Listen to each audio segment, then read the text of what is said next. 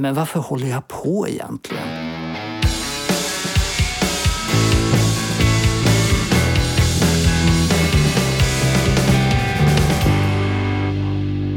Amatörmusikerpodden. Det här är Amatörmusikerpodden. Jag heter Ola Ek. Musik betyder väldigt mycket för mig.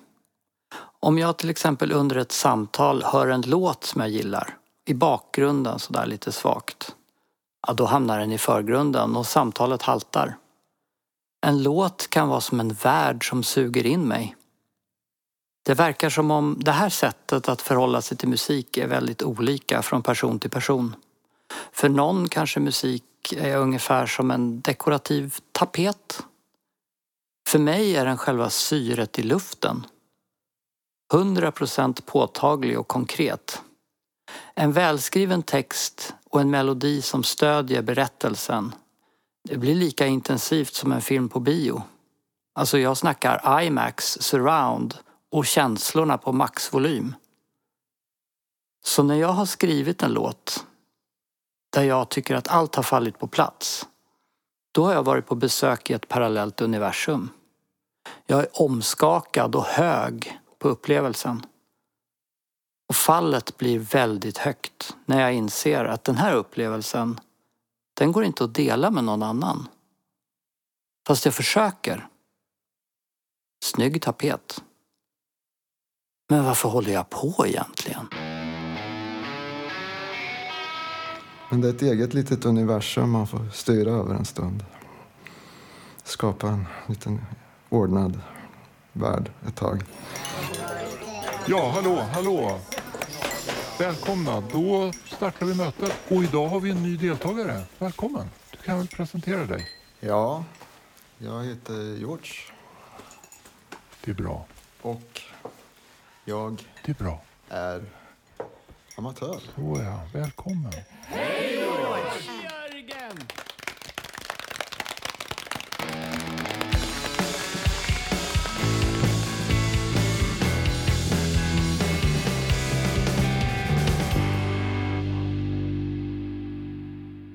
Idag sitter jag i Norrköping tillsammans med George Gustafsson. Tjenare! Hej! Ja, jag tog med fikabröd och du tog också med fikabröd. Ja, lite grann. Det är bra. Mm. Och kaffe. Jag kan tänka mig att karva av en liten bit här för min del. Och jag vet inte vad det är. Jag De är nog goda, men de är stora. Ja. Det är så nu för tiden. ja, var ska vi börja då? Jag, jag hade en tanke. Norrköping är vi i. Mm. Jag har egentligen inte varit i Norrköping. Jag har passerat Norrköping. Så jag vet inte så mycket om Norrköping. Nej. Finns det olika stadsdelar här, ungefär som i Stockholm? Södermalm, Vasastan, liksom Jo. så? Det gör det ju. Det här heter Oxelbergen. Ligger nära centrum men är ju lite mer grönt område med villor som byggdes på 20-talet kanske och sen har det fyllts på med lite hyreshus och sådär. Och sen finns det ju andra. Hageby, där jag jobbar, heter det Skarphagen. Utanför här, ut mot havet, finns Lindö. Det är fina villor. Lindövägen åkte jag på, noterade jag. just det. Det här att eh, Norrköping kallas för Peking, är det bara i fotbollssammanhang eller är det allmänt? Mm. Ja, det är väl lite allmänt tror jag. Sven Hedin, sån här gammal, ja, vad var han egentligen? Upptäcktsresande kanske det hette. Och han har ju någon Norrköpingsanknytning som jag inte exakt kommer ihåg nu. Men då lär det ju vara så att Peking betyder den norra staden. Aha, Åtminstone en teori. det låter ju väldigt logiskt. Ja, och det har verkligen fått fäste. Mm. Mm. Är du fotbollskille då? Nja, jag har varit. Innan musiken tog över kan man säga. Sen har jag haft barn som har spelat. eh, Så det har varit mycket fotboll. Är det därför du gjorde en låt för Lindö Ja, FF? just det. De har båda spelat i Linda FF. Och de ville satsa på att få igång eh, flick och damverksamhet. De hade liksom fått stått på undantag, men de ville satsa på det. Och då ville de att nu måste alla bidra med, som föräldrar då, liksom, de var rätt så unga. Och vad har jag bidrar med? Ja, men nu kanske ska jag en låt då liksom. Så hade de den här bra ramsan som är, bygg, som är refrängen, själva hooken i låten. Den Ja, kommer hur ska vi ha det? Hur ska vi ha det? Vi ska ta det. Vilka ska ta det? LFF. Det körde de innan varje match. Jag tyckte det var en bra grej. Så att det fick bli hooken i låten.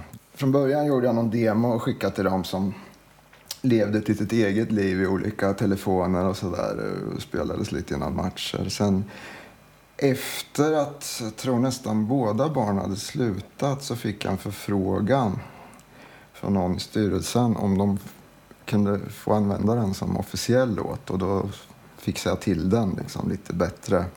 Så då åkte jag ut och spelade in tre ungdomslag som körde den här ramsan.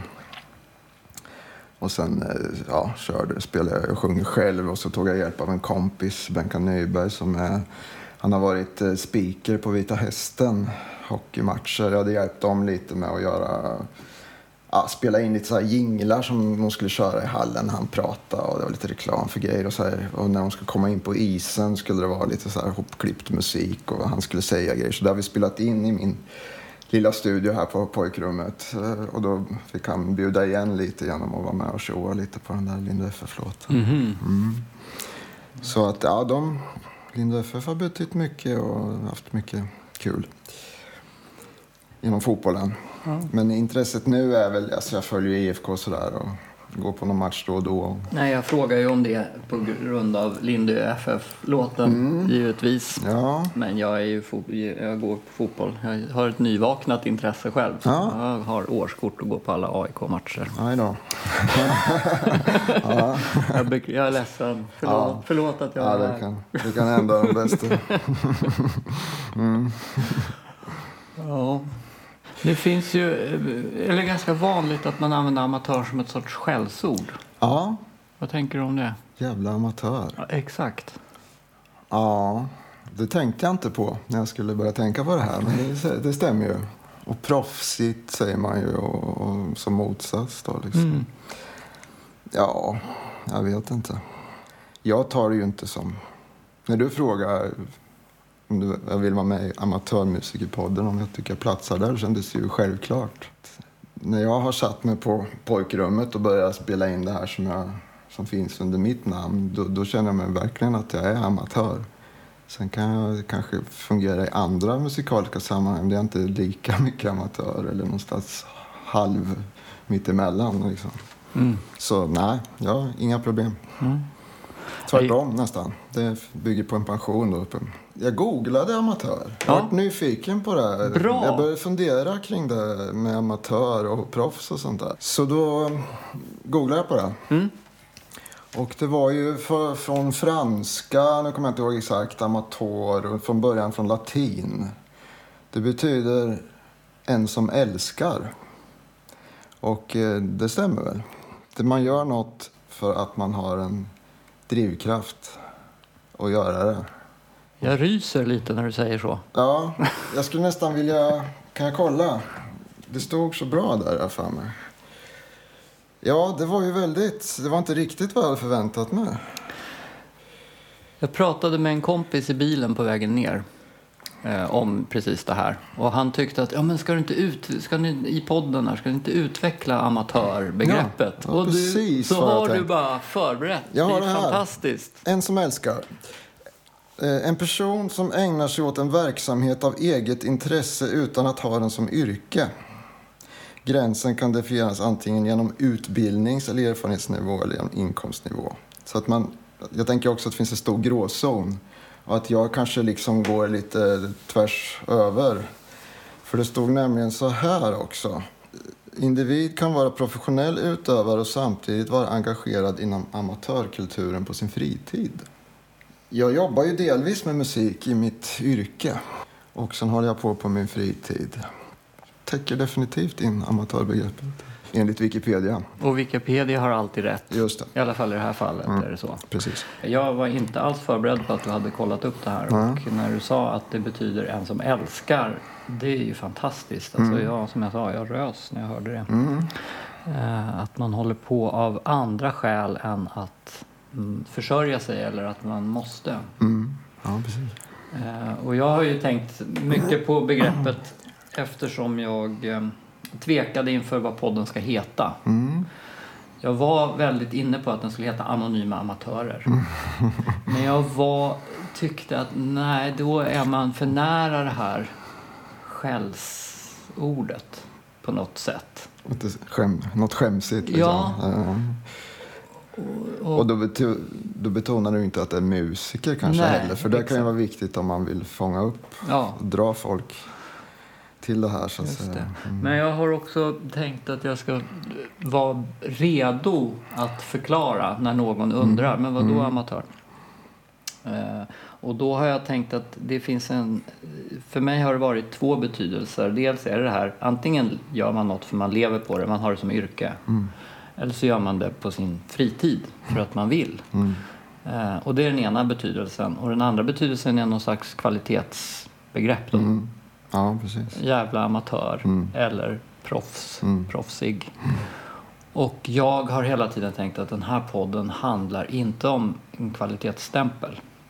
Det är så jag har liksom förberett mig på eventuella angrepp eller Mm. ifrågasättanden. De flesta jag har frågat har ju velat vara med. Mm. Men ett avhopp på Ah, grund av namnet på Okej. podden. Ja, Jag har ju lyssnat på ett avsnitt här och då som jag tror jag skrev där så min reflektion var ju att det här känns som en proffsig podd om amatörmusiker. Ändå, tyckte jag. Ja, det är ju Då är roligt. man ju där på dem.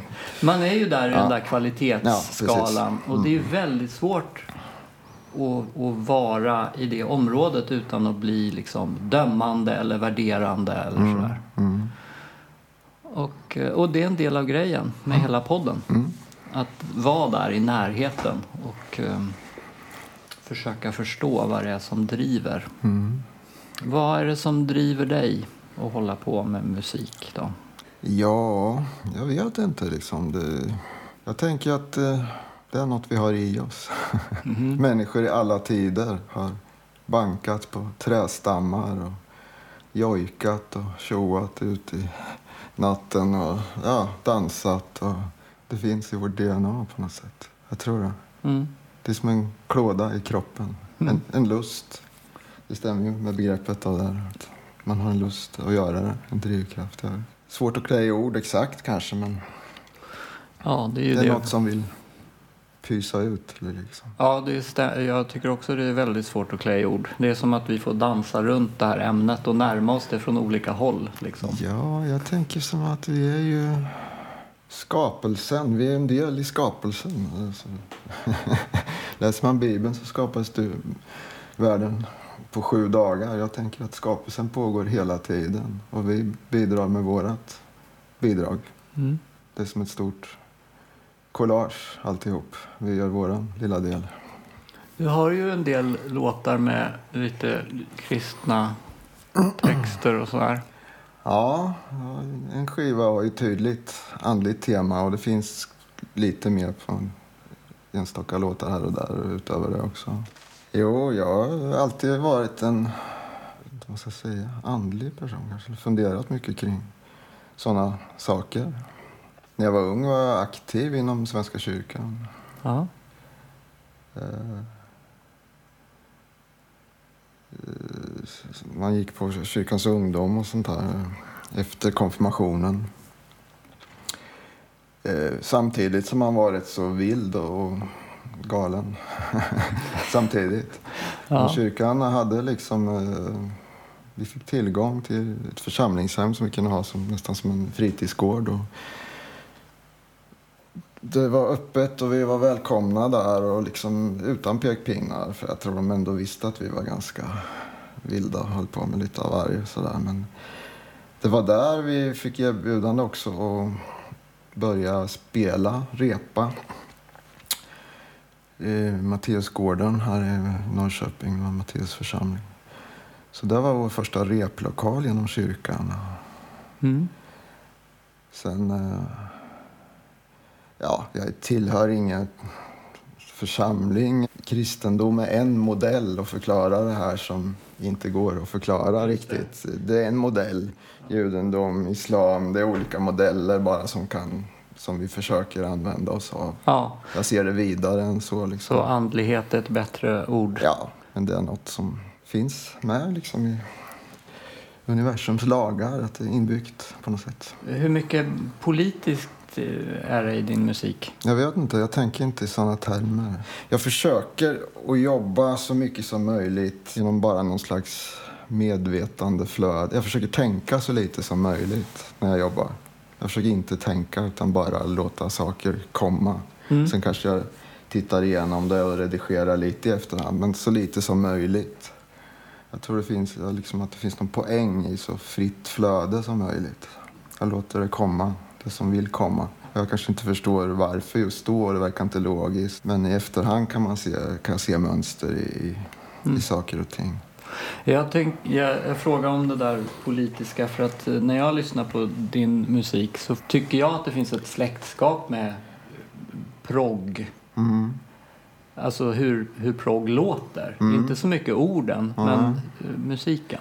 Ja, Och det är därför som jag frågade om, för då var det ju väldigt mycket politik. ja, jag har ju lyssnat en del på sånt men jag tycker man, det är väldigt lätt att tröttna på när det blir som Vie kanske har gjort mycket bra grejer och vissa kan lyssna på men ändå det kan bli lite knastertorrt och tråkigt och uttänkt in, intellektuellt. Jag har s- svårt för sån musik faktiskt.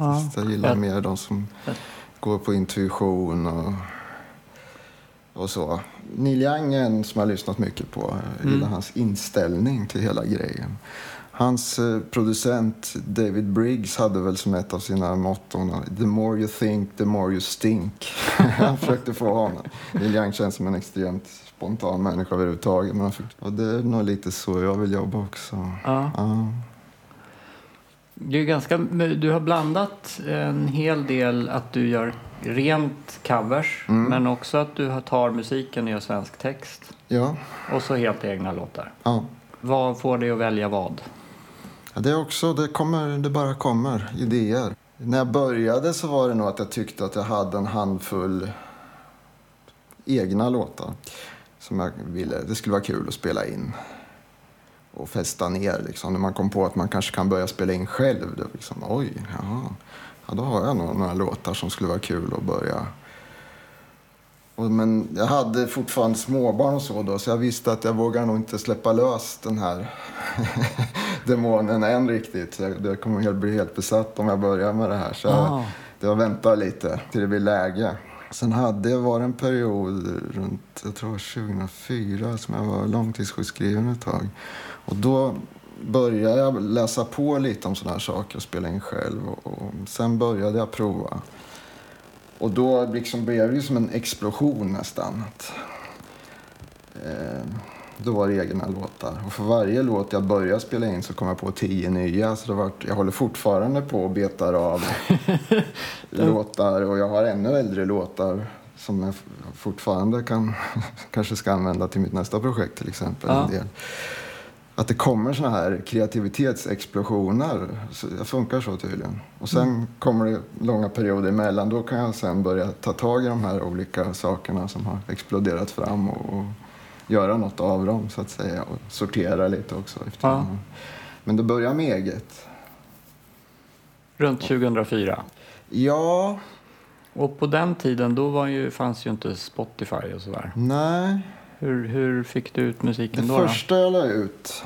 Jag hade en jobbarkompis som kom med en dikt till mig. Att skulle du kunna kolla om det går att tonsätta det här? Och det blev så småningom ett dubbelalbum. För att visa sig att hon hade skrivit en väldig massa saker. Och hon hade dem på en eh, skrivarsida som heter sockerdricka.nu.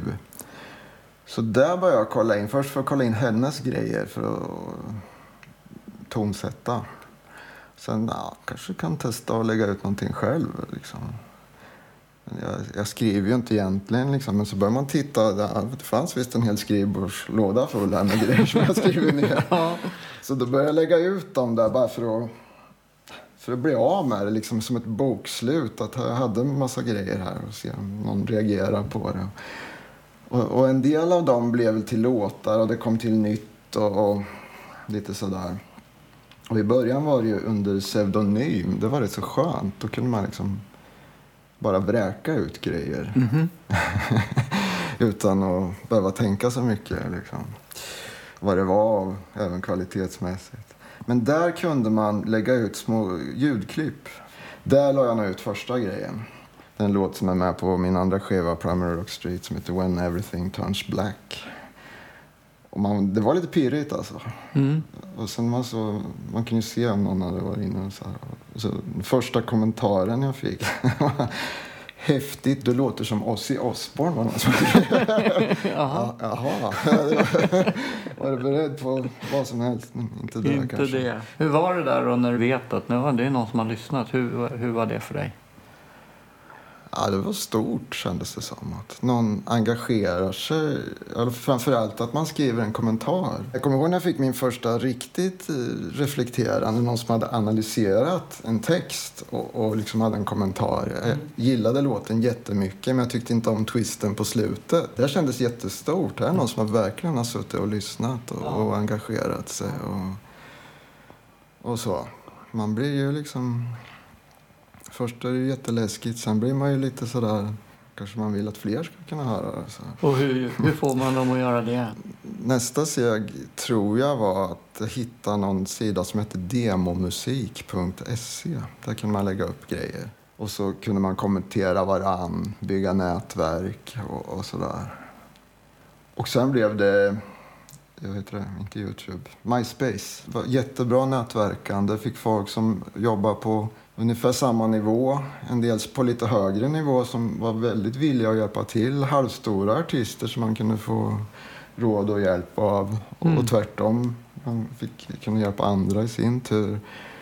Det var riktigt nätverkande och det var även folk som bara var inne för att lyssna men verkligen för att leta efter lite udda annan musik. Det betyder nog mycket för att bygga upp ja, en liten lyssnarskara där. Liksom. Så gav jag ut min första skiva i, under MySpace-tiden där.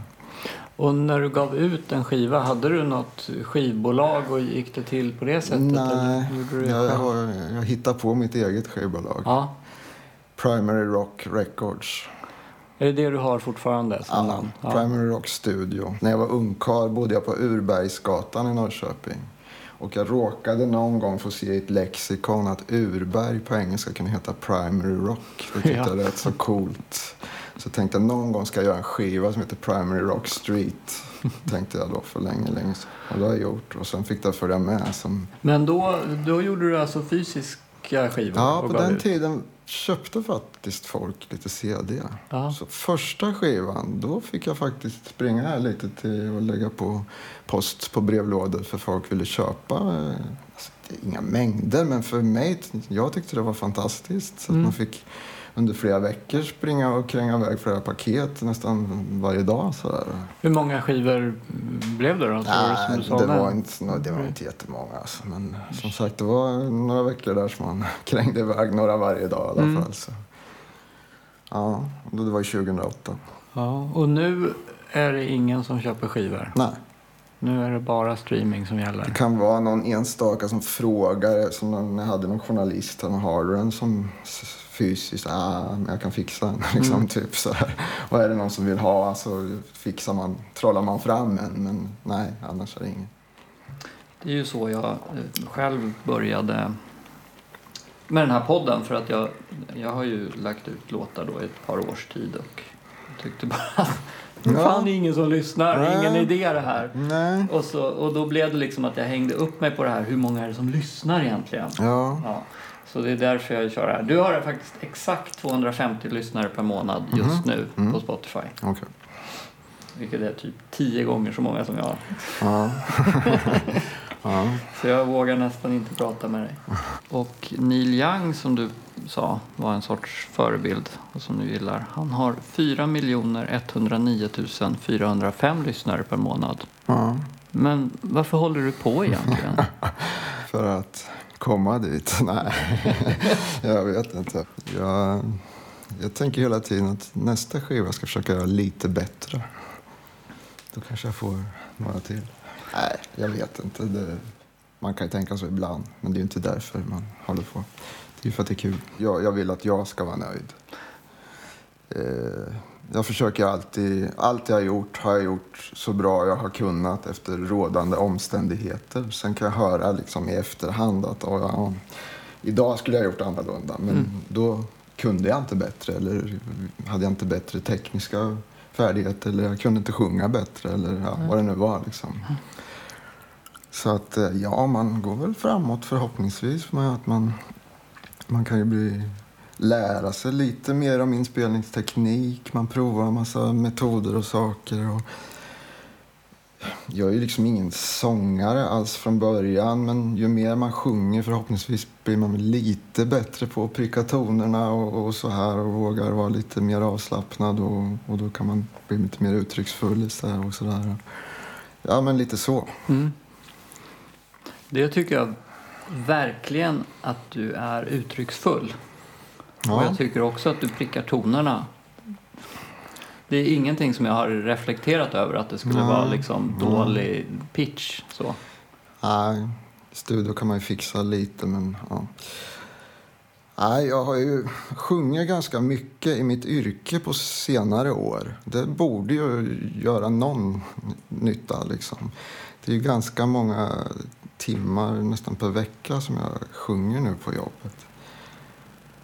Och det är nästan genom ett jobb som jag har börjat sjunga överhuvudtaget. Där jag jobbar med daglig verksamhet med funktionshindrade och jag jobbar på ett ställe där de tyckte, ah, men kan inte du lira lite så här på fredag eftermiddagen? Ja. Och då fanns det en tjej som var duktig på att sjunga där. Så jag var i princip kompmusiker. Så slutade hon så här.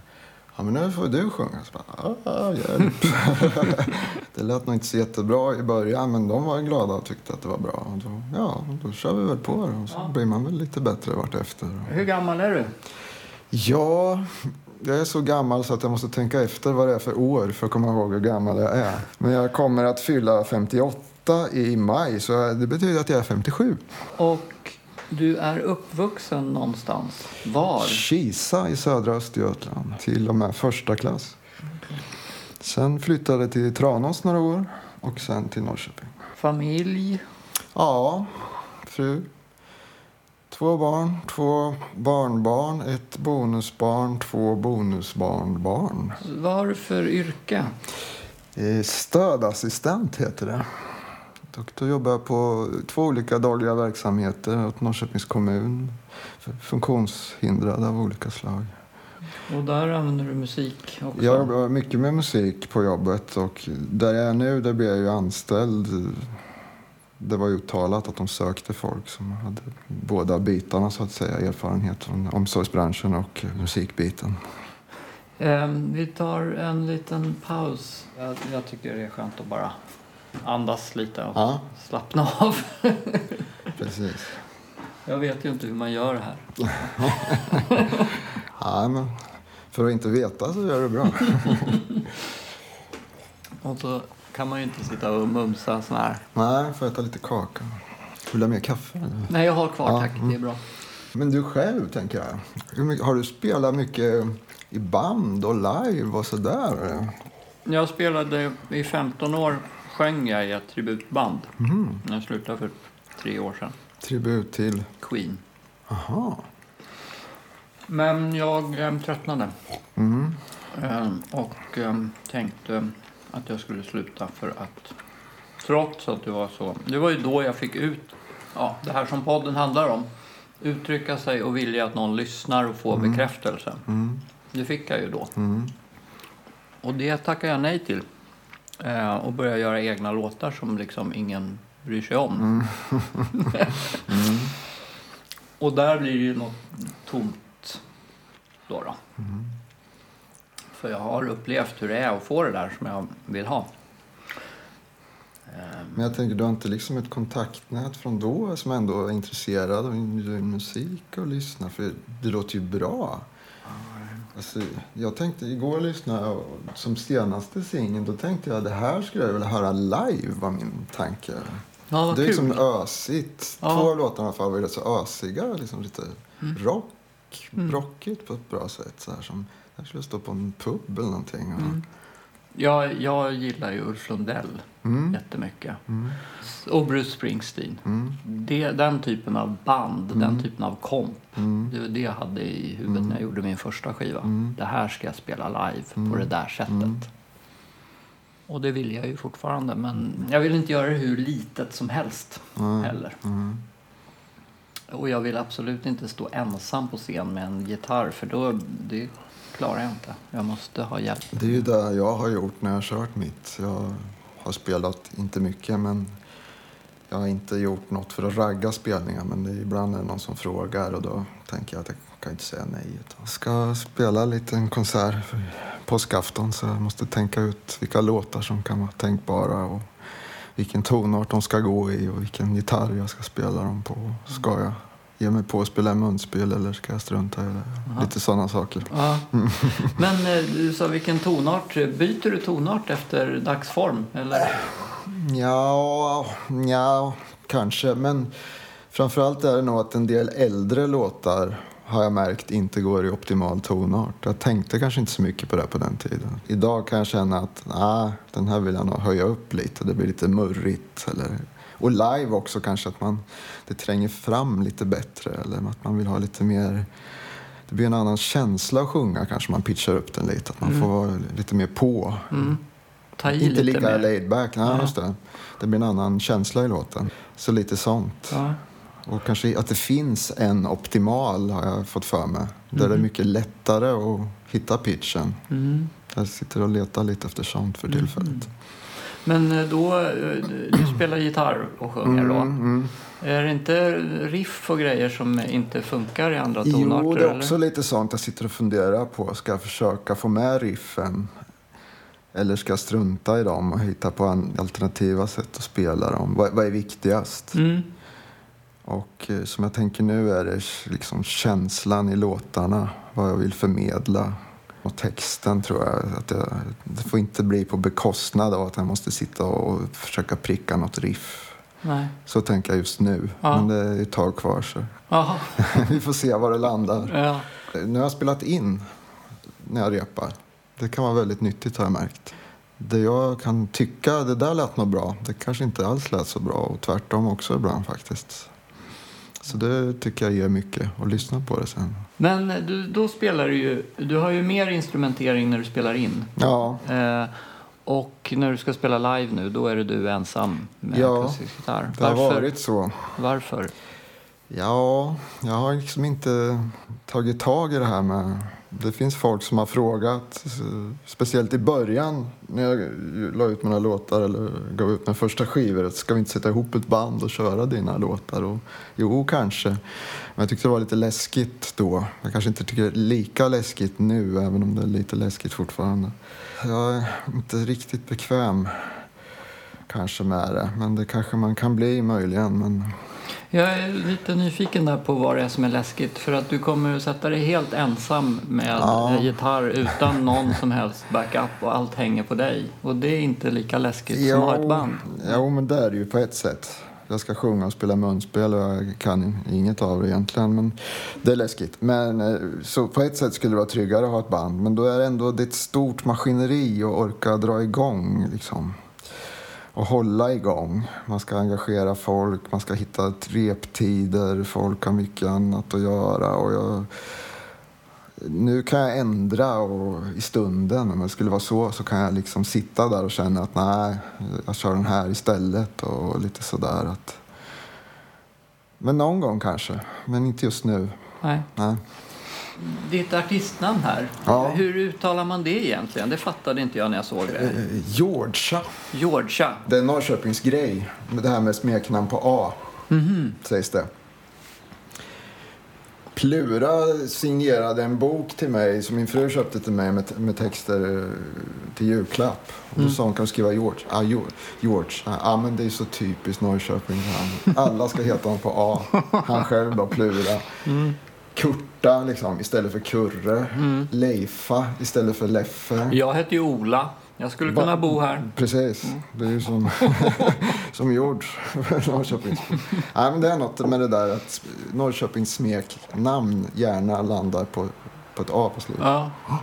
ja. När jag såg det i alla fall så blev jag lite undra vad är det här? Hur ska man säga det här namnet? Jag fattade inte hur jag skulle uttala det. Så hade du eh, tyckt en, tryckt en liten blå Facebook-tumme där. Och, så, och så hette du eh, Georga eller Geor- ja, sådär. Ja, vem är det här? Ja, så klickar jag ju på det då och så tittar jag och så bara, ja det här, är- här är någon som, som är artist på riktigt. Eh, och när jag såg då mm, hur mycket du hade gjort och hur många lyssnare du hade och så där, så tänkte jag bara, nej men honom kan jag inte, törs jag inte. honom törs jag inte prata med. Men du hörde av dig i alla fall. Jag gjorde ju det. Man får ju chansa lite ibland. Precis. Tänkte han blir väl förbannad för att jag tycker att han är amatör. Hur vill du beskriva din musik för någon som aldrig har hört dig? Ja, det kan dyka upp lite vad som helst. Så här. Det kan vara gamla visor, det kan vara andliga sånger, det kan vara poprock. Ja, det, det är liksom... Jag kör på någon sorts intuition av vad som dyker upp. Så det personligt kanske man kan säga. Försöker inte passa in eller försöker hitta mitt... Jag tror hela lite grejen med musikskapande är att försöka hitta en personlig röst. Man letar efter någonting. En personlig röst, ett personligt uttryckssätt. Ett sorterande av tankar, idéer, toner. Och sen katalogiserar man upp det i album och allt som har varit ett enda virvar. Ja. Ja, det skapar lite struktur kanske. Ja. Eventuellt. Hur, eh, hur, när du gör ett album, det, känner du att du har ett visst tema då i texterna kanske? Eller är det musikaliskt? Ja, det brukar dyka upp. Det brukar bli av sig självt på något sätt. Det, det kommer en impuls, en energi. Och så börjar man brainstorma och, och det blir nog kring ett outtalat tema på något sätt. Man ser efter ett tag, jaha, det här kommer att handla om det. Ja, en andlig skiva har jag gjort till exempel. Ja, jo, men efter ett tag då börjar man ju tänka i de banorna. Att vad finns det då jag skulle kunna hänga på med? Andra skivor har inte varit så tydligt. Utan jag, det har blivit låtar som känns aktuella och okej just nu. Jag har en idé om hur jag vill göra dem. Sen kan man i efterhand se ett tema kanske. Eller, eller också en efterhandskonstruktion. det här med temaskivor liksom. Jag har tänkt på ibland. Som att Sgt. Pepper skulle vara någon slags konceptskiva. Vad handlar den om i så fall? Det är bara- Färg, färgglada uniformer Ä- handlar Enda konceptet är att låtarna, att det inte är någon mellanrum mellan låtarna. Typ. Man kan ju hitta på ett koncept om man vill i efterhand. Ja. Men jag, jag kan se, tycker jag, att ändå finns teman i skivorna. Men det är mer på ett uh, omedvetet plan just när jag gör det kanske. Mm. Det, men ibland så utkristalliserar sig ju efter ett tag och då kan jag ju spinna på det. Mm. Så kan det. De två albumen som engagerar mig mest, eller som, som, som säger mest till mig, det är Tegel och Vid grinden. Mm. Och allra mest Tegel, tror jag. Ja, spännande. Varför är det så? Då måste jag tänka nästan. Ibland har jag sagt att det är ett album som handlar om psykisk ohälsa. Mhm. Men eh, det kanske är en efterhandskonstruktion. Jag vet inte. Omslaget så eh, antyder det också, Ja. man river i huvudet Eh, där. precis. Men jag tror det är lite naknare, ja, lite trasigare låtar. På det, ja. Sen är det en väldig blandning på det med. Mm. Men det finns, det finns vissa samarbeten där. Texter som inte är mina.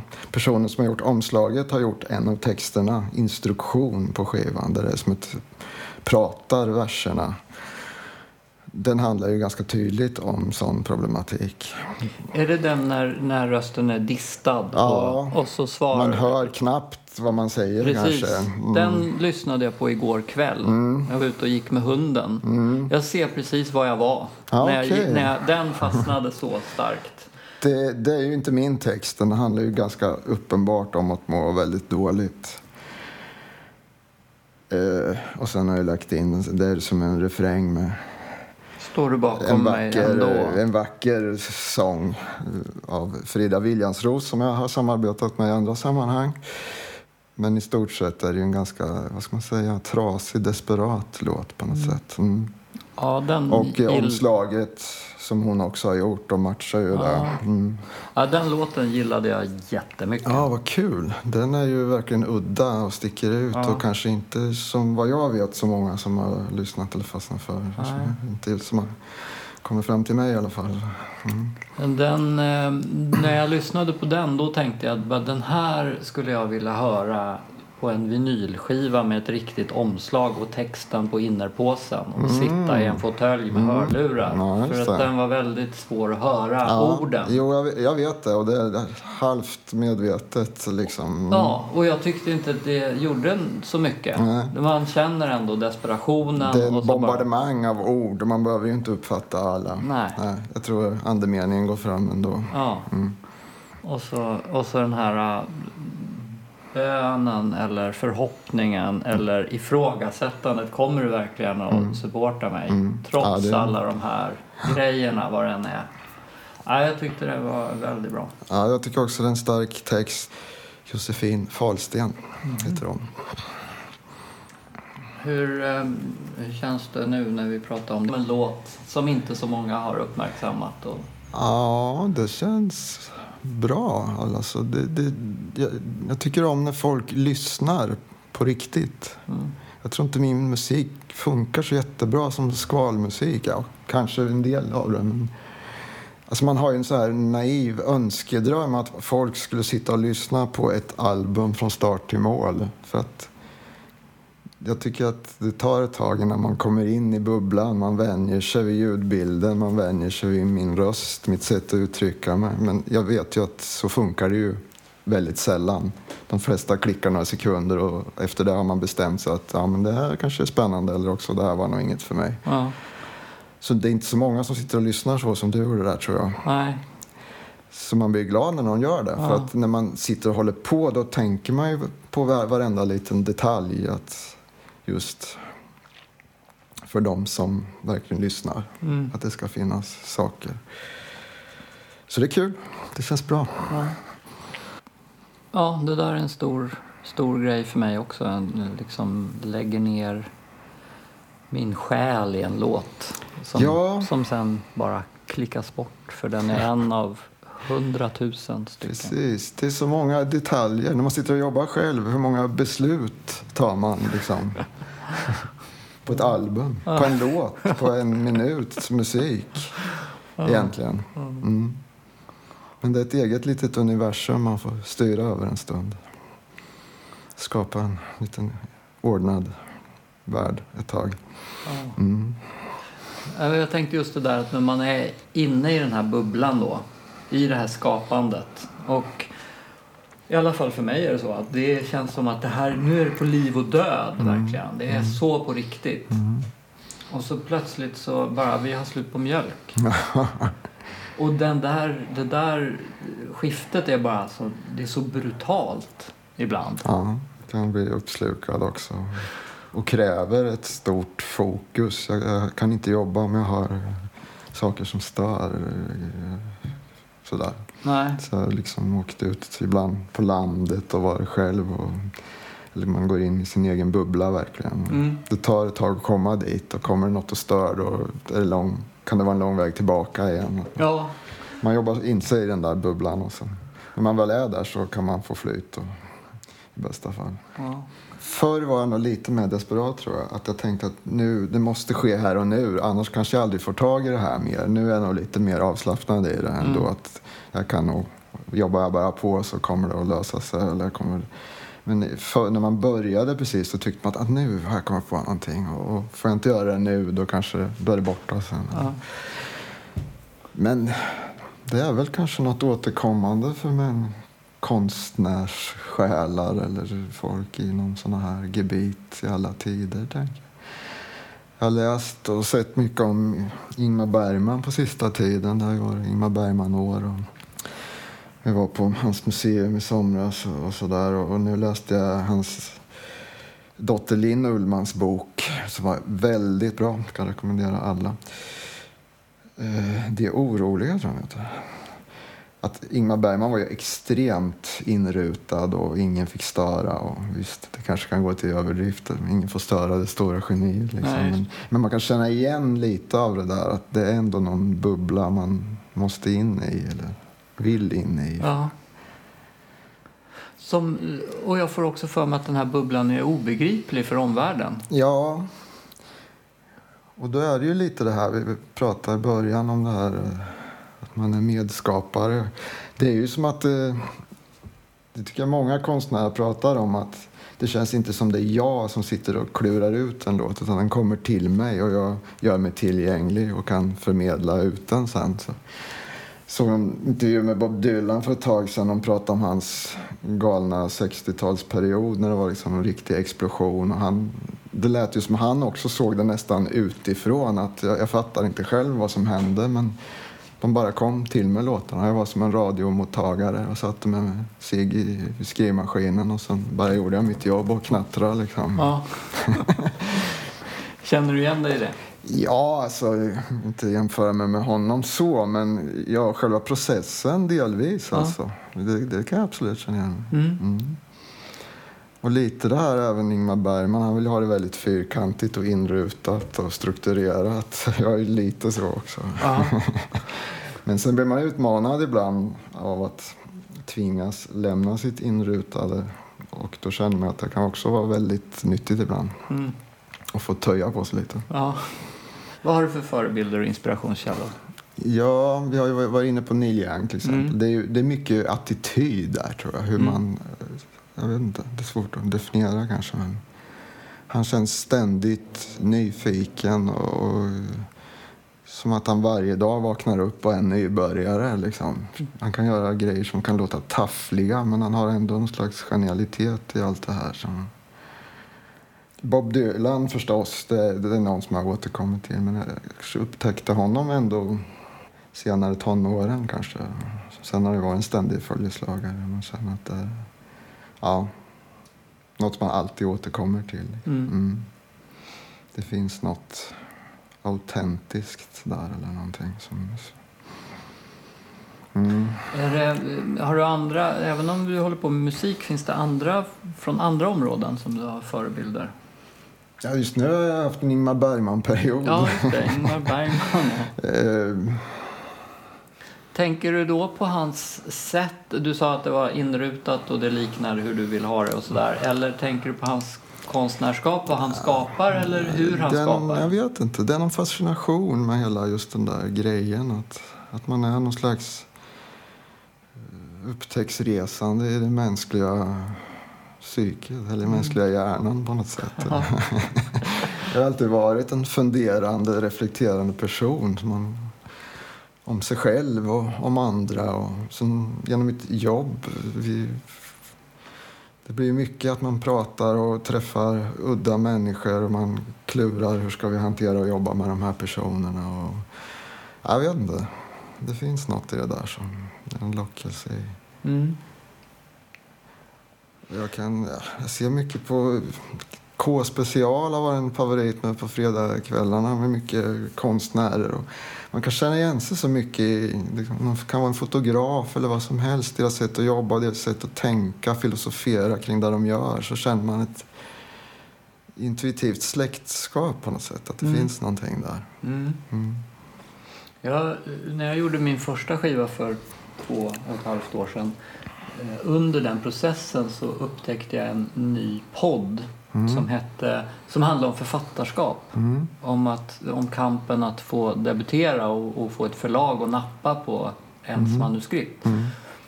Och, eh, och den heter Debutera eller dö. Mm. Det är dramatiskt. Mm. Eh, Så den lyssnade jag på medan jag gjorde min musik. Mm. Och jag kände väldigt mycket sånt Mm. släktskap. Och, och den var till, till hjälp. Mm. För att de gick igenom liknande våndor. Och Mm. eh, är det här verkligen bra? Mm. Hur ska jag få någon att läsa det här? Hur ska jag få någon att lyssna på det här? Ja. Jag tyckte det var jätte... Mm. Mm. Ja, men det finns något i det där kreativa. Som, ja. Ja. Eh, vilka instrument spelar du? Jag skulle säga att jag är gitarrist egentligen. Mm. Och sen fuskar jag eh, på ba bas. Jag tycker om att spela bas känner jag. Jag gillar verkligen att spela bas. Eh, Jag fuskar på orgel och det, det är till och med i flera olika band. Men eh, teoretiska kunskapen har jag, men fingerfärdigheten är ju inte så extrem. Men jag kan ganska bra på med enkla medel få det att låta hyfsat, tror jag man kan säga. Mm. jag är ingen sån där som sitter och övar. Jag kan inte... Nej, det är liksom själsdödande på något sätt Ja. för mig. Mm. Eh, Varför säger du fuskar? Ja, det, nu är vi väl där igen. Kanske. Jag är amatör på att spela keyboard, verkligen. Ja, du älskar att spela keyboard N- alltså. Något mera proffsig på att spela gitarr. Ja, jag vet inte. Jag är ingen som sagt... Jag kan lägga lite mattor och göra en slinga här och där och sådär. Mm. Mm. Det kan fylla sin funktion på ett väldigt bra sätt. Mm. Mm. Men jag gör inga virtuosa solon kanske eller så. Men det är inte min grej. Det finns andra som kan göra det. Finns alltid andra som kan göra det bättre på något Ja, vis. men de gör sin grej. Ja. Liksom. Mm. Det, är, det har jag själv känt mig hindrad av. Men inte längre, tror jag. Mm. Jag skjuter lite det. Jag känner mig som nybörjare på gitarr. Mm. Jag spelar gitarr ändå. Ja, men ibland kan det vara en fördel att känna sig som nybörjare, tänker jag också. Eh, annars kan man fastna i klichéer och bli fast i dem. Att det sitter vissa licks i fingrarna som man gärna vill köra. Men vill man komma förbi dem? Jag tror att kanske Dylan och andra ibland har sagt till musikerna i studion att nu får ni byta instrument med varandra mm. och se vad som händer då. Mm. För att just komma bort från... Och som Neil Young vet, han är ju allergisk mot klichéspel. Sen kanske han har uppfunnit ett eget klichéspel möjligen. Neil Young-klichéerna. Men, ja, men lite det där. Eller som Dylan, men man har sett honom live och så här, hans band. De är ju väldigt bra, men de, man kör ju inga såna här standardsolon och grejer. Utan det är väldigt rot och det ska underordna sig låten. Det ska fylla en funktion. Liksom. Man ska inte bara glänsa och titta vad snabbt jag kan spela. Eller, Nej. liksom. Jag, tänk, eh, en gång hör, jag lyssnade ganska mycket på Neil Young en period. På Mm. 80-talet var det väl. Jag tror jag slutade när Everybody's Rocking kom. Det var en spännande period. Först kom en syntskiva. Men jag kommer inte ihåg ordningen. Sen gjorde han en smörig countryskiva med stråkar. Eller den kanske kom efter sen. Och så gjorde han en rockabilly-skiva. Ja, Ja. ja, den köpte jag. Jag, jag gillar den. Ja, jag lyssnade ju på den men på något vis så tog det ändå slut där. Jag, jag lyssnade nog mest på det här Rust Never Ja, Sleeps det och var där jag kom in. Jag hade en kompis, eller har fortfarande, som... Eh, så det var ett sportlov. Som hon, vi hade varit ute och åkt skridskor och så gick vi hem till honom. Vi var väl över ett tonår. Och så satte han på Like a Hurricane från Live Rust jättehögt. Och bara Wow, vad är det här? Det låter jättekonstigt. Det är jättevackert men det låter som hela anläggningen har gått sönder. Liksom. Och då var jag såld totalt. Alltså.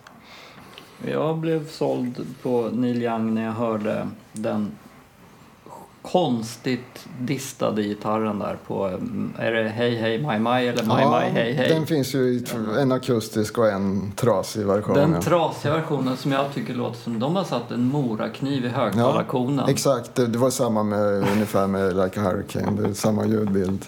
Mm. Och det blev jag helt förälskad Ja, av. vi försökte framställa det där i ett band som jag spelade i då. Jag, jag hade en sån här pedal, heavy metal från Boss heter Ja, den. mm. Som jag märkte att när batteriet började ta slut, då, det är då det händer. Då blev det Neil Young. Ja, så att den byggde jag om så att man kunde driva den med spänning utifrån. Så att jag en potentiometer på så jag kunde dra ner spänningen så att den nätt och jämnt funkade. Och okej. då, Ja, ja då, just det. det var kul. Ja. Så jag är väldigt förtjust i eh, taggtrådsgitarr. Ja, men det var just krocken också mellan det här vackra, Mm. sköra som är med Neil Young och det där. Ja, Det brutalaste brutala och det sköraste sköra och Ja. vackraste vackra.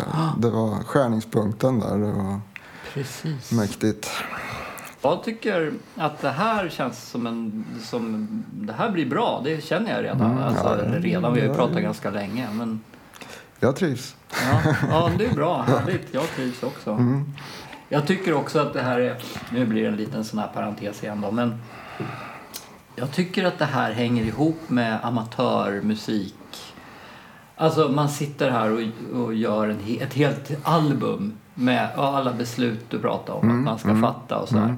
Och vet att ja, men det kommer, nästan ingen kommer lyssna på det här. och definitivt ingen kommer lyssna på den här detaljnivån.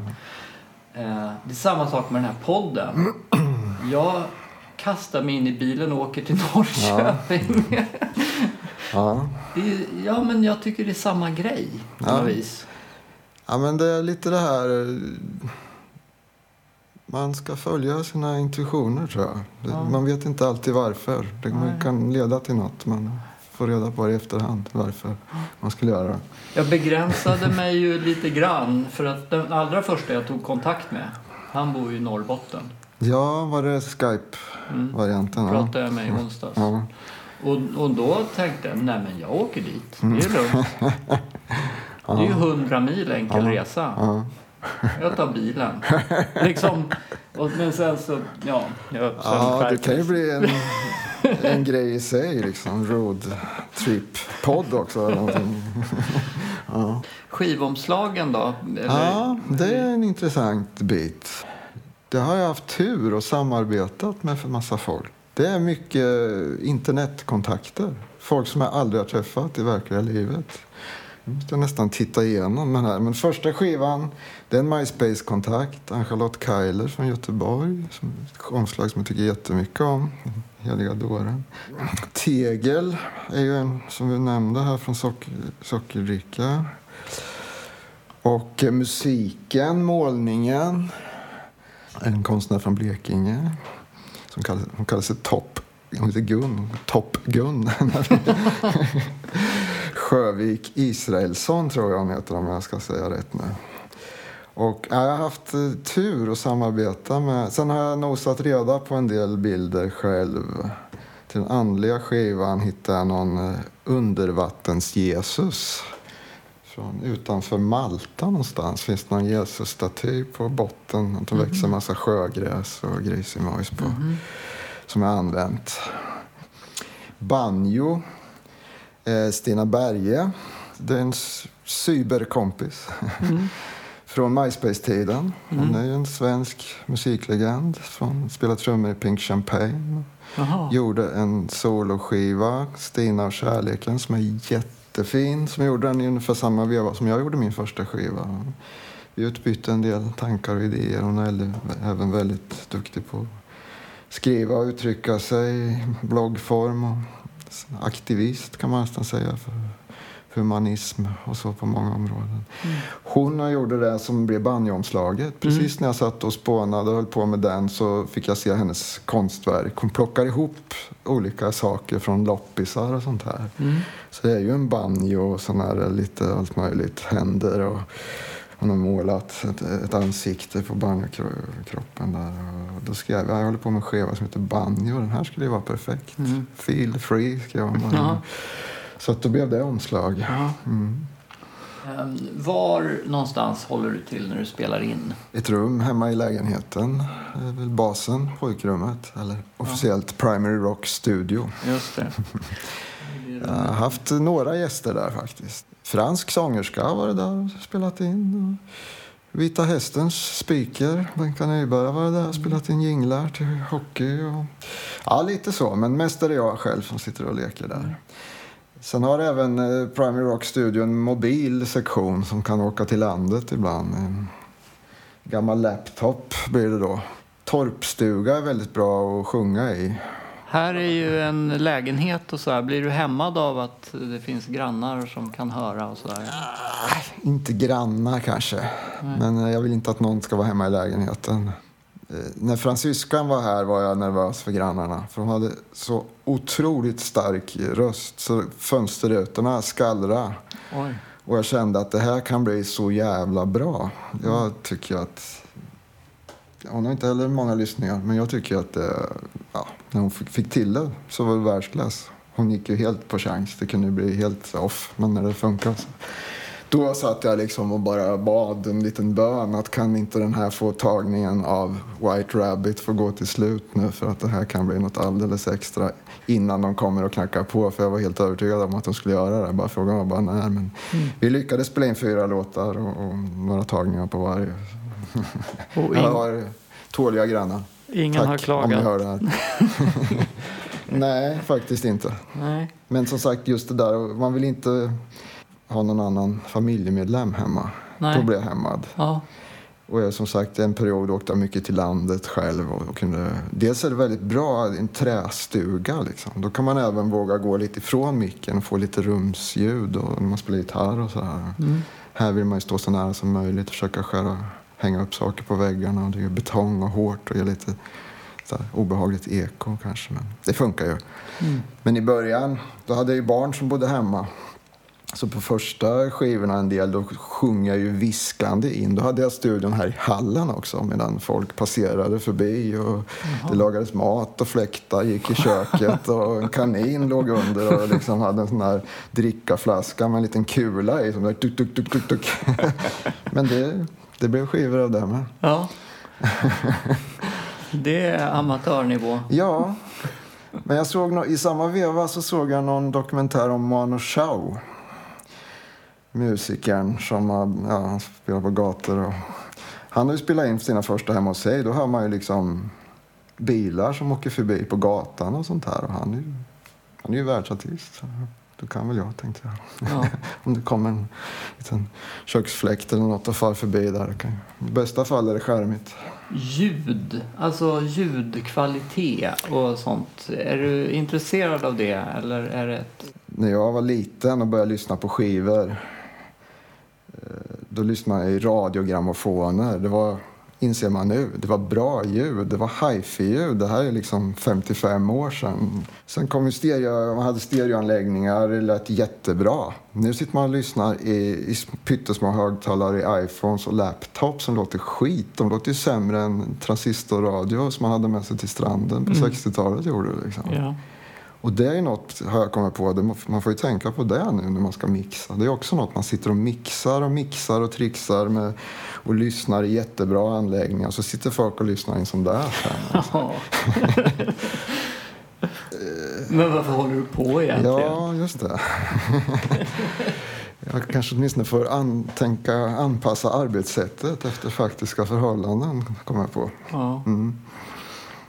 Ja, jag har inte riktigt insett att folk lyssnar i den där lilla högtalaren i telefonen. Jag, tror, jag trodde att det var mer hörlurar. Jo, det gör man väl också. Men många gör det ändå, har jag märkt. Ja. Mer- och mer. Men visst, det finns ju folk som lyssnar i bra. Man kan ha bra lurar inkopplade. Ja. Så det, det är inte bara så, men ibland kan man känna lite så här, fasen. Eh, För det har jag märkt på en del gamla låtar att basen hörs ju inte då. Då måste Nej. man ju mixa annorlunda. Mm. Då får man liksom, jag läste något tips om att då kan man dubbla baskanalen. Att man mixar en med riktig bas och sen en med där man får fram sådana frekvenser som hörs i en sån där. Man Ja. kanske distar lite eller någonting. Mm, Mm. Precis. Min elbas här är liksom Hobbex nivå. Jag köpte den för 300 begagnad av en kompis och det är mycket sus och brus i den. Så därför har jag liksom bara skurit bort allt som susar och brusar och bara haft de riktigt djupa bastonerna. Men ja, det får man nog tänka om lite Ja. till exempel.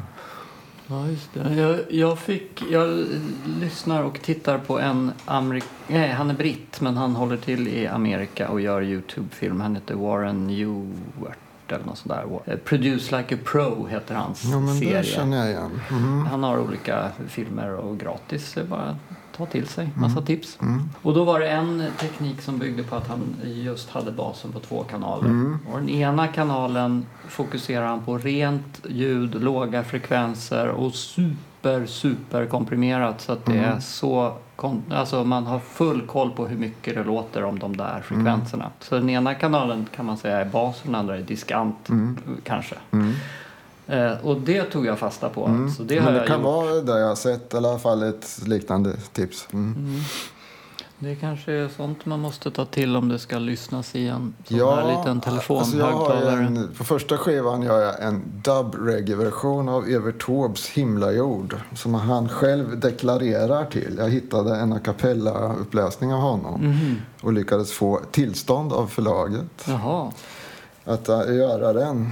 Och så har jag, som basen spelar ju hela melodin till lite sån här dub-reggae-trummor. Och sen deklarerar han sin text, sin berättelse till det där. Och spelar man den i sån här, man hör ju ingenting av basen som Nej. bär upp hela, Okej. det är hela låten, Som- eller ja, en viktig del av låten. Så man hör Evert Taube prata. Ja, man har ju att prata lite konstiga blinky-blank-trummor.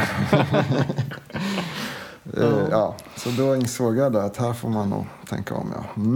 Ska vi inte försöka uppfostra världen till att lyssna i hörlurar då Jo, istället? det kan vi ju göra. Men Ja. man kanske ändå får ha någon form av beredskap att de inte kommer att lyda alltid. Ja. Alla i alla fall. Ja, men ja. Jag, jag, just nu så här utan att ha tänkt efter så mycket på det så tycker jag att de kan få skylla sig själva. Ja, så är det ju.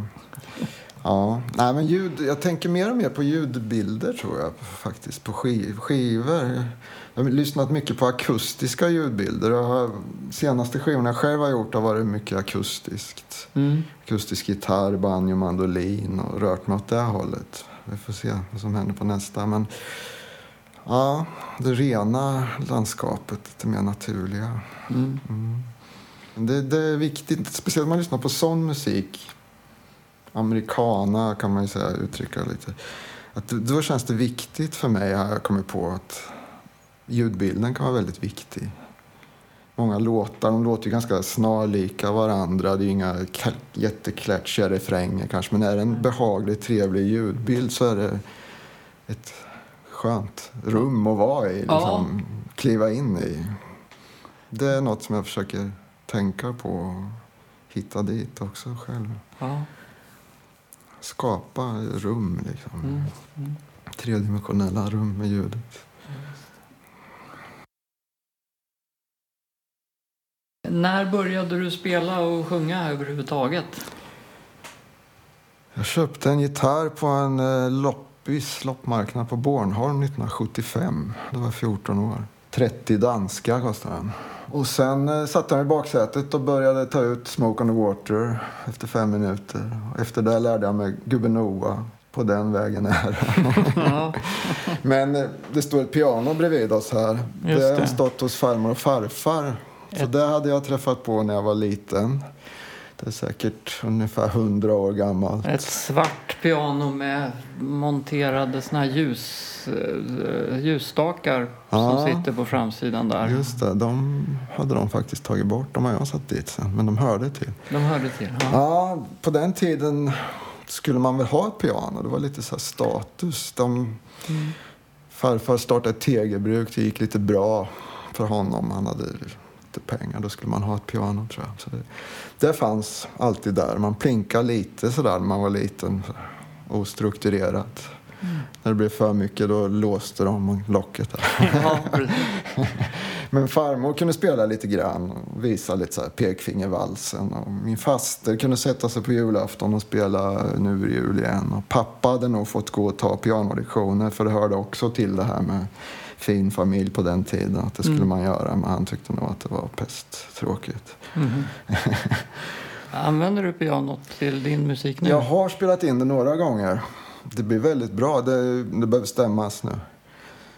Eh, Jag hade en pianostämmare här. Han stämde så att det stämde internt. Men det ligger ju kanske en, kan det vara, en kvartston under normal pitch. Han, han sa, ska jag stämma upp det då måste jag komma tillbaka ett antal gånger för att det kommer att dra sig.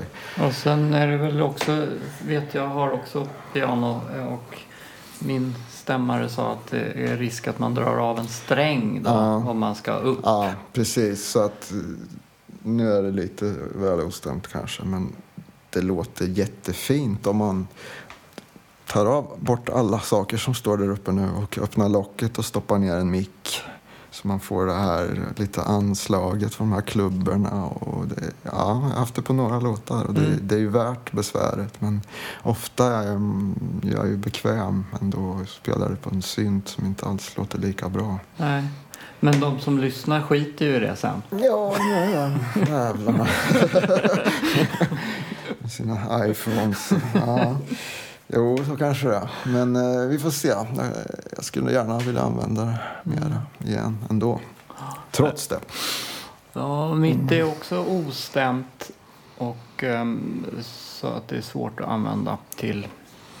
Men jag skulle också vilja använda det egentligen. Och just när jag sitter vid det pianot, då känner jag att jag skulle vilja bli lite bättre på att spela piano kanske också tek- tekniskt. När jag bara latchar lite i banden som, sådär, då funkar det. Men här, då känner jag att det skulle kunna vara till en fördel. Och lite, nu får jag väl spela en hand i taget typ om det så. Mm. Men det är väldigt fin klang. Mm. Men det var mycket musik hemma ändå. Som sagt, min brorsa, 16 år äldre, var väldigt och är fortfarande musikintresserad. Hade mycket skivor. Så jag växte upp med popskivor kan man säga. Mm. Från så, så långt tillbaka jag minns. Alltså. Varför gör du din musik tillgänglig för andra? Det här är mitt lilla bidrag till det stora collaget. Liksom. Jag gör det här. Det finns tillgängligt här för de som vill. Jag är designad för att göra det här på just mitt sätt. Eh, jag är skapad så här. Det måste vara någon mening med det. Liksom. Det är mitt lilla bidrag. Min vinkling på saker och ting, mina tankar. Eh, jag tror det är meningen att jag ska göra det. Det är min uppgift. Jag vet inte varför, men jag litar på att det är så. Ja, Mm. och att det, det tillför någonting att du Ja, gör något- det ja, tillgängligt. Jag tror det. Inte bara att du skapar det utan att du också ser till Ja. att det finns en möjlighet att ta del av det. Ja. Det var ingen öppen fråga. Kunde du svara bara ja, då är det klart. ja. Känner du dig lyssnad på? ja, men det gör jag faktiskt. Jag blir ständigt förvånad över att så många ändå bryr sig som, som, som gör det. Eller man kan kastas lite fram och tillbaka sådär. Det, det kan man göra. Men ändå om jag ska... I, det korta svaret är eh, ja, absolut. Det finns ju så här, vad heter det, Spotify for Artists. Man kan gå in och få statistik och sådär grejer. Och jag har inte tittat jättemycket på det, men nu har jag ibland några gånger gått in för då kan man liksom titta på vilka låtar spelas mest under den perioden och då kan man ju också se om man har lagt ut någonting om det gav någon effekt. Men det som var en ny grej där var att upptäcka att så många hade lagt in av mina låtar i sina spellistor. Det blev jag väldigt förvånad över faktiskt. Det fanns väldigt många. Den här Linde-låten kunde jag tänka mig kanske att ungdomar som spelar fotboll ute i Linde hade lite. Det var en, en del, men sen var det många av de här andra låtarna som dök upp på en del blandade andliga sånger eller mina favoriter. Liksom. Det var Graham Parsons, Emmylou Harris och så kommer en Georgia-låt. Ja. det, det kändes jättekonstigt, men bra såklart. Ja, att de visst. finner ett sånt sammanhang. Att, eh, människor som jag inte vet vilka de är. För de jag, de jag vet vilka de är, de tror jag kanske inte lyssnar så jättemycket på mina låtar. Nej. ja, men det, det är jag också lite nästan besatt av, att nå bortom de här som, som känner mig. Det känns som att där har det större tyngd om någon lyssnar.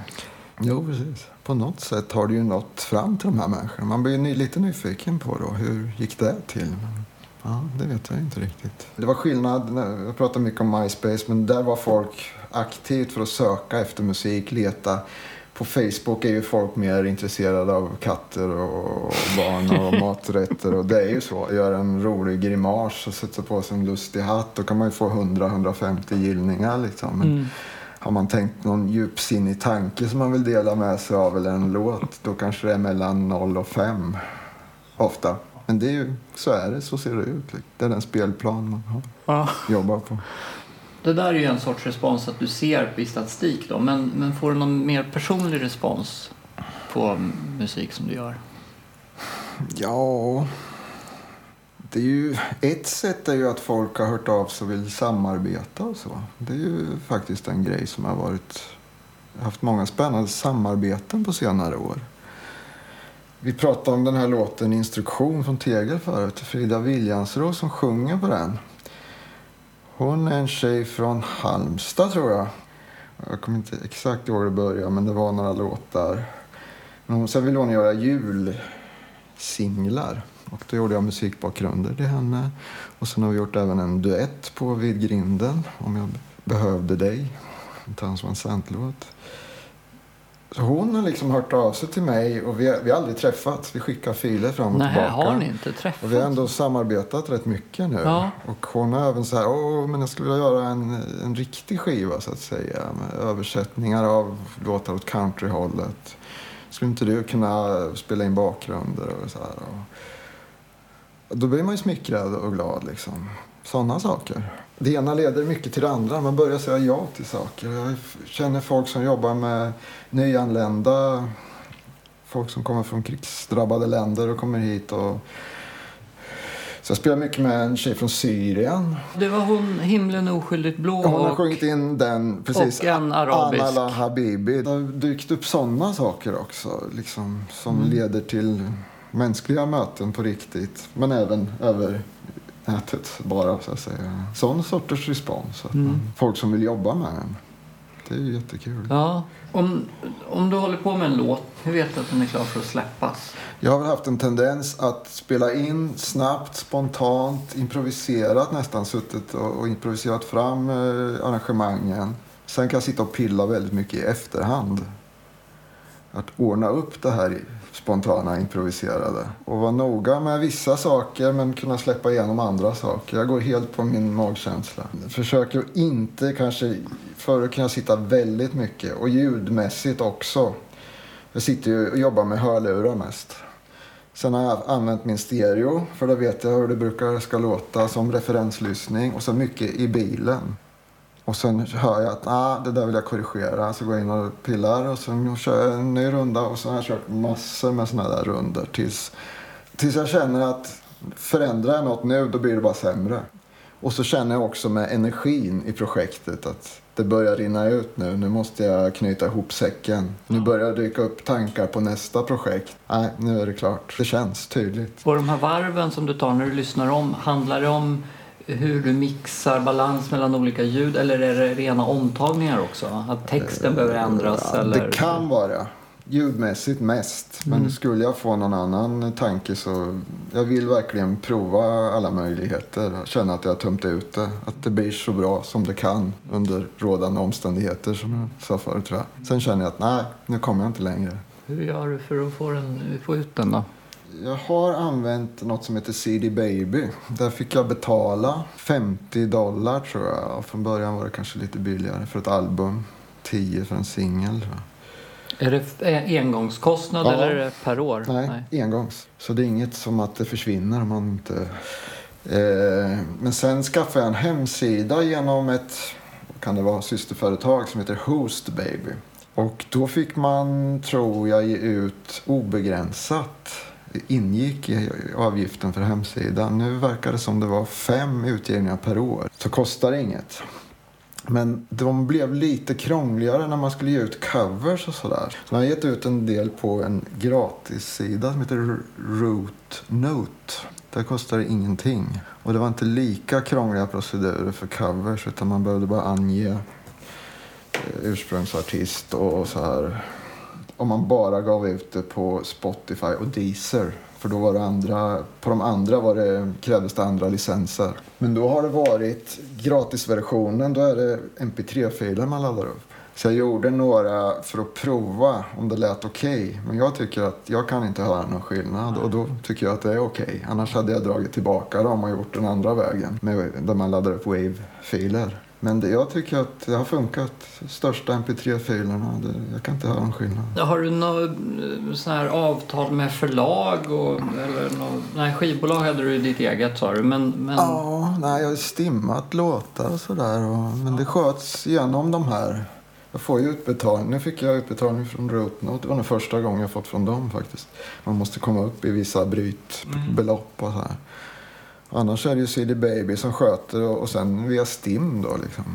men Stim, då, då blir du spelad på radio och sådana ställen? Nej, eller? men ja, det kanske har blivit något, men inte så mycket. Utan det är ju streams med på något sätt. Ja, ärligt talat fattar jag inte riktigt hur det funkar. Jag fattar inte alls hur det funkar. Det Jag- ramlar in lite pengar nu och då. jag är jättedålig på, jag orkar inte sätta mig in i sånt där. Men det kommer lite pengar nu och då. Så här. Ja, och så står det. en redovisning. Så här. Mest är det ju Spotify streams. Det kan vara någon enstaka på iTunes och konstiga andra ställen. Men det är ju till största delen Spotify. Ja, Jag har inte rapporterat in mina till STIM för att de vill ju att man ska ha varit spelad offentligt.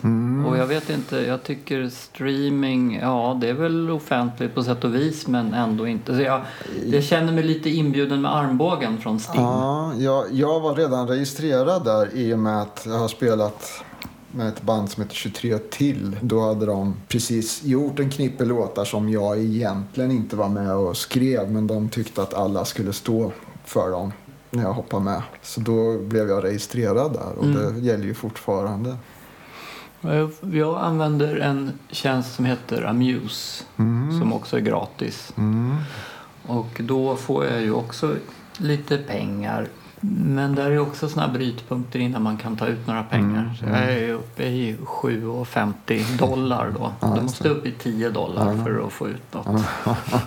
och så ser man hur mycket pengar man har lagt ner på utrustning och grejer. Så är liksom, ja.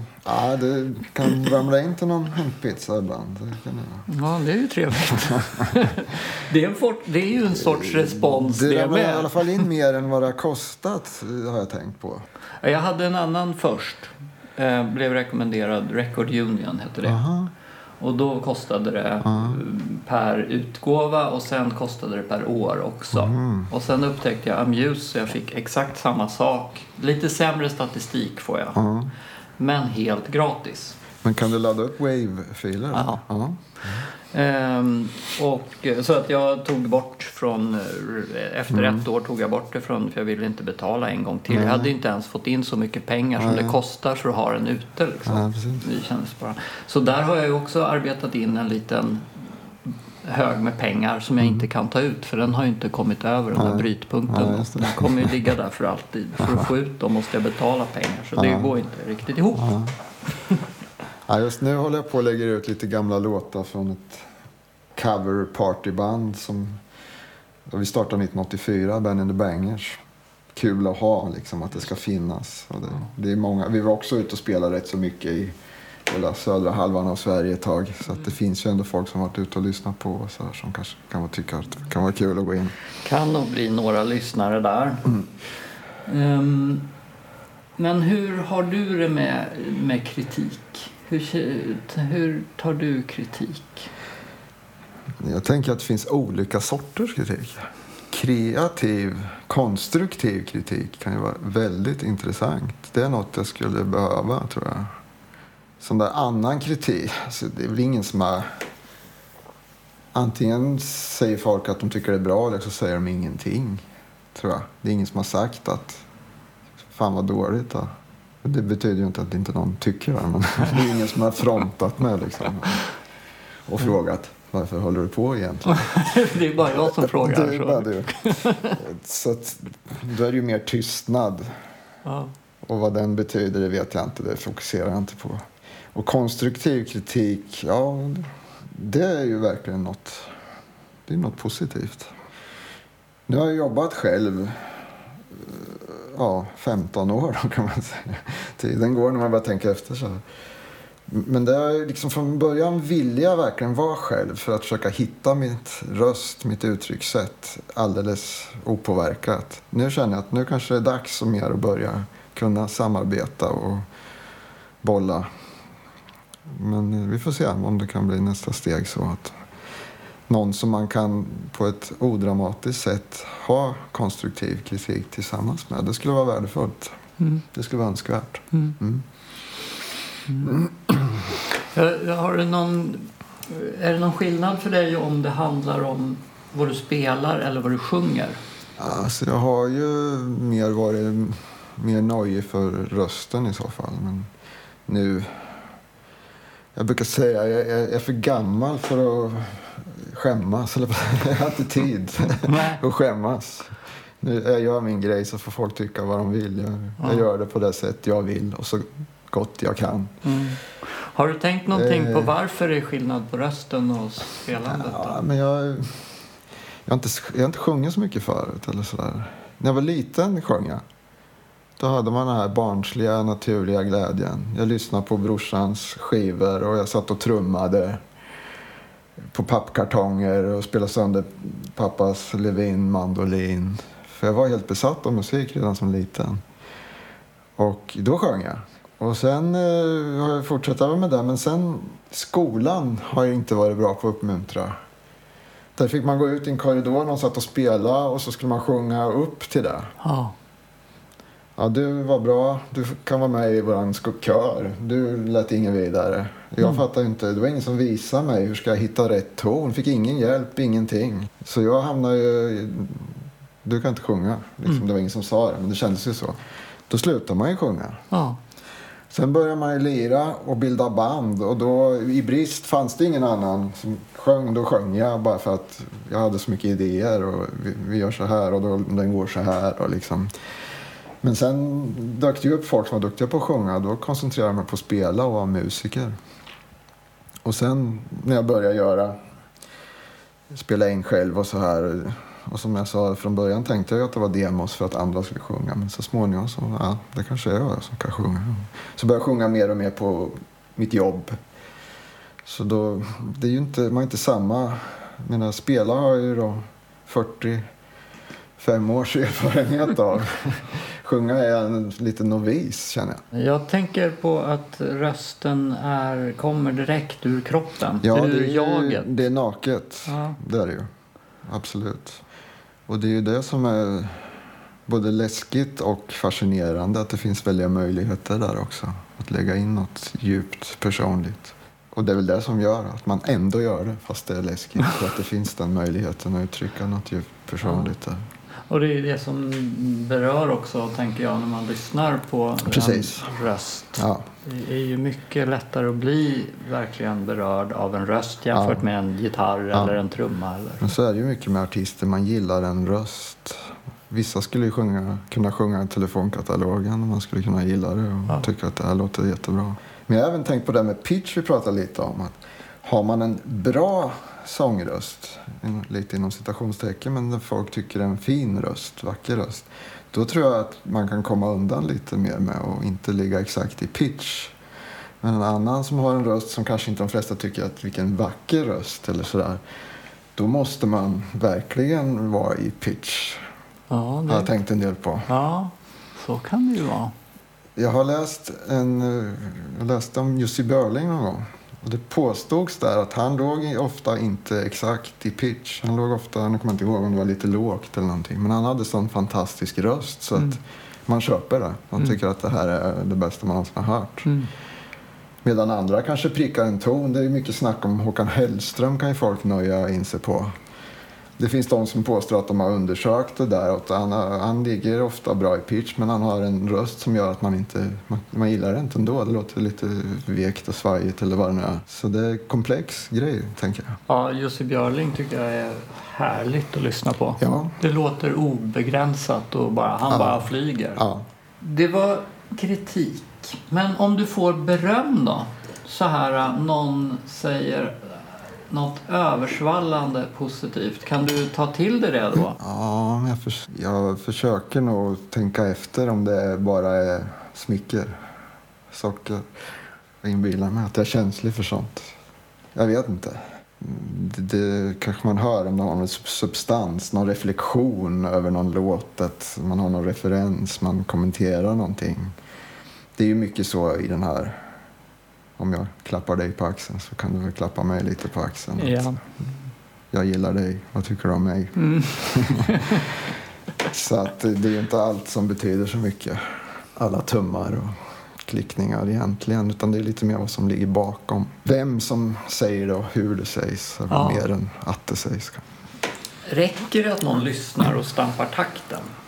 Eller vill du bli förstådd på djupet? Jag har jobbat ganska mycket med sån musik som man vill att folk ska stampa takten. Som med, med coverband som Benny and the Bangers. Där ska folk stampa takten, dansa och vara glada.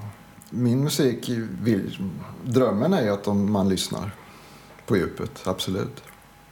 Men funkar det på något annat sätt så fine. Men det är gjort för att man ska kunna göra det. Ja. Mm.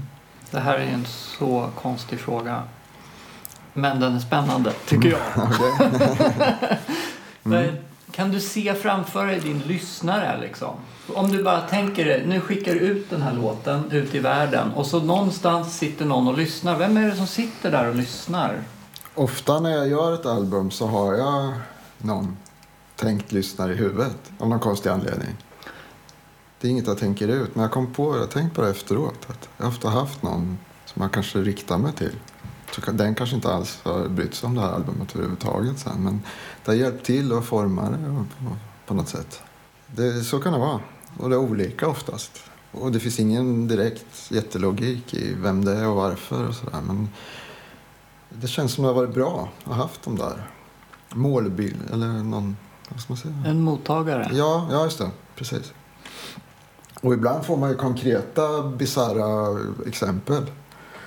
Låten Musiken då, som är den är nog min mest spelade egna låt. Det blev jag ju kontaktad av en kille från San Diego i Kalifornien som sa att jag skulle gärna vilja göra en trumcover på den här. Har du möjlighet att skicka mig en mix utan trummor? Och har du inte det så gör jag i alla fall en trumcover och spelar jag till i alla fall. Mm. Bara, va? det, det är så osannolikt så jag vet knappt hur det har gått till. Han hade gjort en trumcover på, jag har kompisar från Skärblacka, Kalleba, ganska känt i Sverige reggaeband. Och hur det hade gått till det vet inte jag, det vet inte de heller tror jag. För att jag träffade trummisen där för ett tag sedan. Han hade ingen aning om vad det som hade hänt.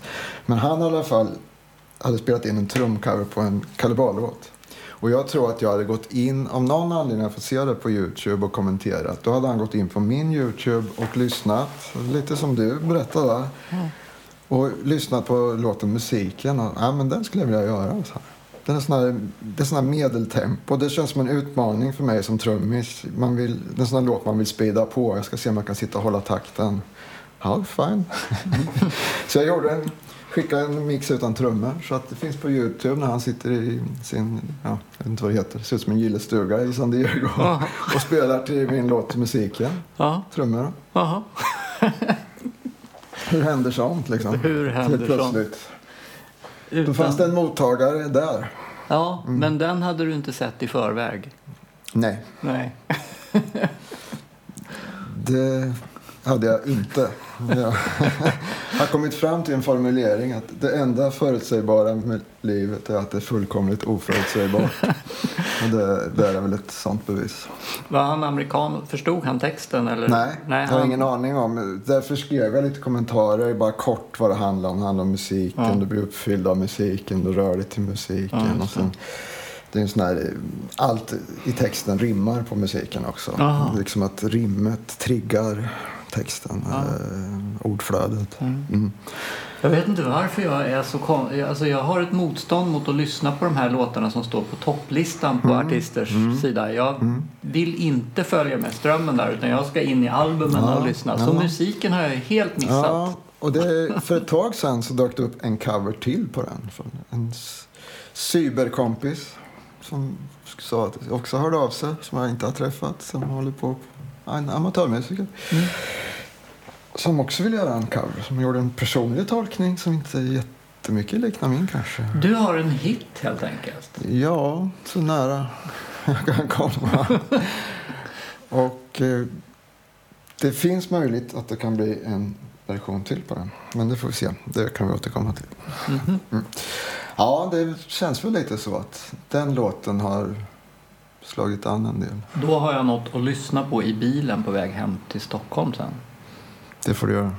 Jag har ju gjort en spellista som hör till podden. Som jag har på Spotify. Mm. Och där får alla gäster då plugga in två låtar. Han har ju tjatat om den här musiken. Alltså. får väl ta med den där. Vad ska jag ta med då? Det känns som att man hade en, en liten hit på, på MySpace-tiden som öppnade upp lite där för att en liten publik där som jag kanske ändå har någon nytta av nästan fortfarande. Det var en låt som hette Silverpilen från första skivan.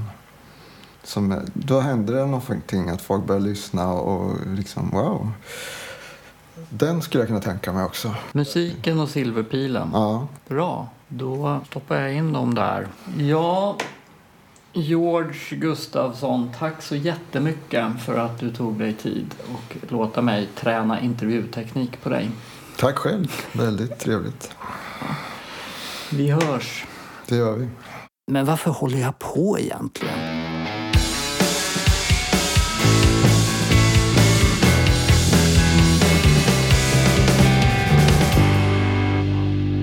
Amatörmusikerpodden